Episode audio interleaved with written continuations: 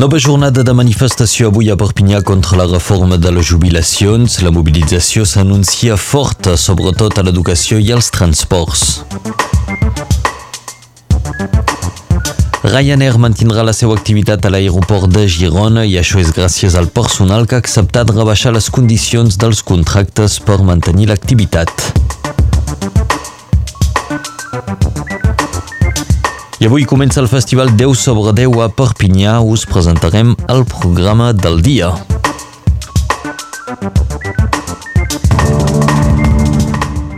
Nova jornada d'acció avui contra la reforma de les jubilacions, una manera pels sindicats de pressionar el govern tot just un dia abans de la presentació del contingut d'aquesta reforma per part del primer ministre. A Perpinyà una manifestació sortirà aquell matí de plaça Catalunya a partir de les 10 i mitja. Aquest cop el recorregut de la manifestació serà l'habitual, és a dir, que passarà pels grans boulevards de Perpinyà per acabar al peu del Castellet. Els transports seran quasi totalment paralitzats avui a Catalunya Nord. Per sisè dia consecutiu no sortirà cap tren des de l'estació de Perpinyà, tampoc no circularà cap uh, TGV. Cal dir que a nivell regional només dos TER sobre 10 haurien de circular avui. A l'aeroport també s'esperen moltes pertorbacions. A nivell estatal seran 20% dels vols interiors que seran cancel·lats avui. En canvi s'espera una circulació normal dels autobusos de l'aglomeració i de la regió. El seguiment de la vaga hauria de ser important també a l'educació. La vila de Perpinyà segueix oferint un servei d'acolliment pels adults de les escoles on el seguiment de la vaga sigui superior o igual al 25%. En cas que els pares no puguin guardar la mainada, les dues estructures d'acollida seran obertes. El centre de lleures Le Castor pels alumnes de maternal i centre de lleures de Santa Ciscla pels alumnes d'escoles elementals. L'acolliment se farà entre les 8 del matí i les 6 de la tarda. També s'esperen pertorbacions en la distribució del correu, als centres de les finances públiques o encara als hospitals i a les cases de jubilats. De fet, avui els interns de l'Hospital de Perpinyà també comencen una vaga il·limitada per denunciar les males condicions de treball. I la vaga d'avui arriba en un context de clar suport social a la mobilització. Segons una enquesta IFOP realitzada després de la vaga de dijous passat, un 53% dels ciutadans guarden una imatge positiva del moviment contra la reforma de les jubilacions. El suport als vaguistes creix de 6 punts respecte a un estudi fet a finals de novembre i arriba al 33%. El passat 5 de desembre, durant la manifestació contra la reforma de les jubilacions, la policia va arrestar el secretari general de la CGT per una pintada que va fer sobre els murs de la posta de Perpinyà Aragó. La CGT denuncia que el procurador de la República va posar-la en guàrdia vista en una decisió política amb l'objectiu de criminalitzar l'acció sindical. Per la CGT, l'actuació de l'acusació de degradacions greus sobre un edifici públic és desproporcionada sancionada. El sindicat també denuncia que el seu secretari general ha estat obligat a donar una mostra d'ADN sota l'amenaça d'una multa de 15.000 euros. El departament i la regió van signar un conveni de partenariat en matèria de turisme perquè les dues institucions uneixin esforços per potenciar el sector. La regió també va presentar el Fons Turisme Occitaní amb una suma total de 101 milions d'euros. Aquell fons permetrà oferir un préstec de diners a projectes d'una envergadura important en matèria de lleure o d'allotjament. A l'aeroport de Girona, la companyia Ryanair mantindrà la seva activitat contràriament al que es va anunciar l'agost passat. És gràcies als treballadors que s'ha salvat la companyia, un personal que ha acceptat rebaixar les condicions dels contractes per mantenir l'activitat. Ryanair va llançar un ultimàtum als 120 treballadors gironins perquè renunciessin als seus contractes fixos permanents i que passessin a ser empleats discontinus. Per tant, el personal només treballarà 9 mesos a l'any. Els contractes ja ja no hi apareixerà l'antiguitat i es rebaixarà la categoria dels treballadors. El personal, tot i signar l'acord, ha manifestat la seva disconformitat.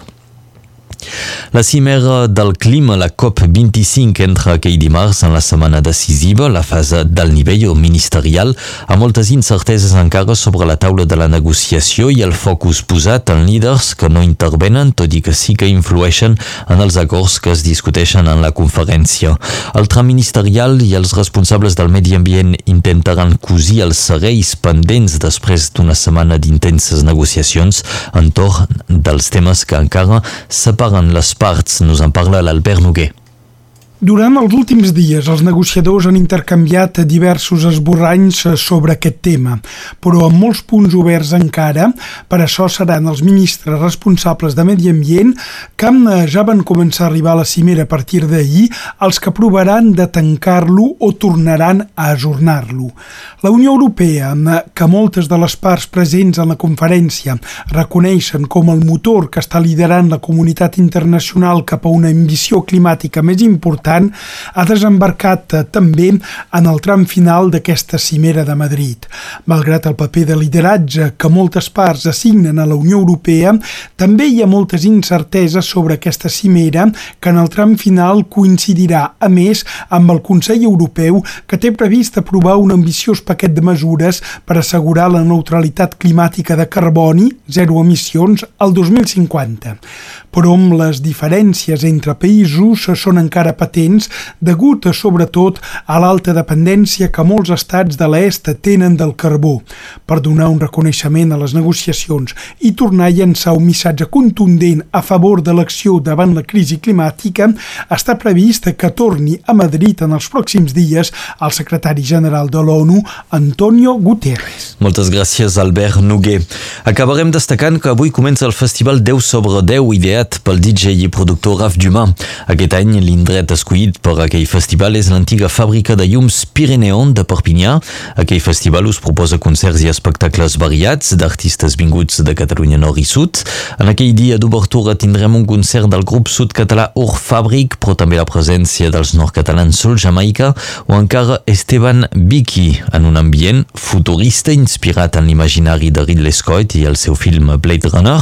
El festival 10 sobre 10 comença doncs avui fins al 10 de gener a la fàbrica Pirineon. Se troba el camí del Pas de la Palla just al costat de l'avinguda Julien Panxot de Perpinyà.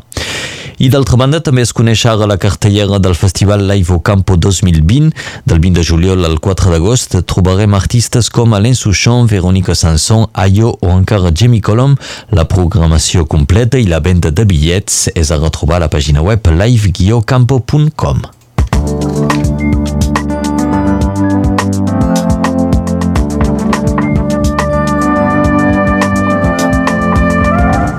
Quin temps tindrem avui és el que nos explica ara mateix la Laura Bertran.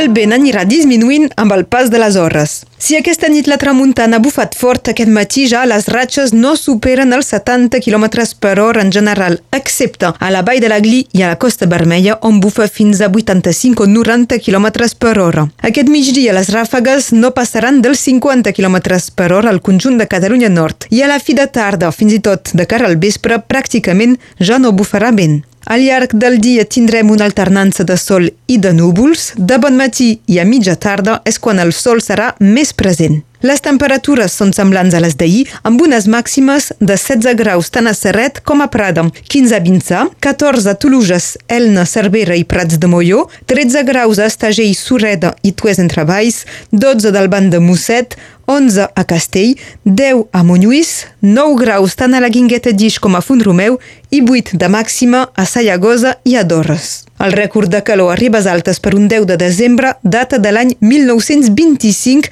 amb una màxima de 20,5 graus. És un dia com avui del 1898 que Cuba va ser independent d'Espanya, tot i que va quedar sota el control dels Estats Units fins que la reconeixeran definitivament el 20 de maig del 1902. També un 10 de desembre del 1948, a París, l'ONU va proclamar la Declaració Universal dels Drets Humans i és per això que avui som doncs el Dia Internacional dels Drets Humans. A Sud-àfrica és un dia com avui del 1996 que hi va haver una nova Constitució que va significar la fi definitiva de l'apartheid. Avui som al dia de Santa Eulàlia i, a més de ser patrona de molts pobles, a casa nostra és considerada com la segona festa major de Barcelona.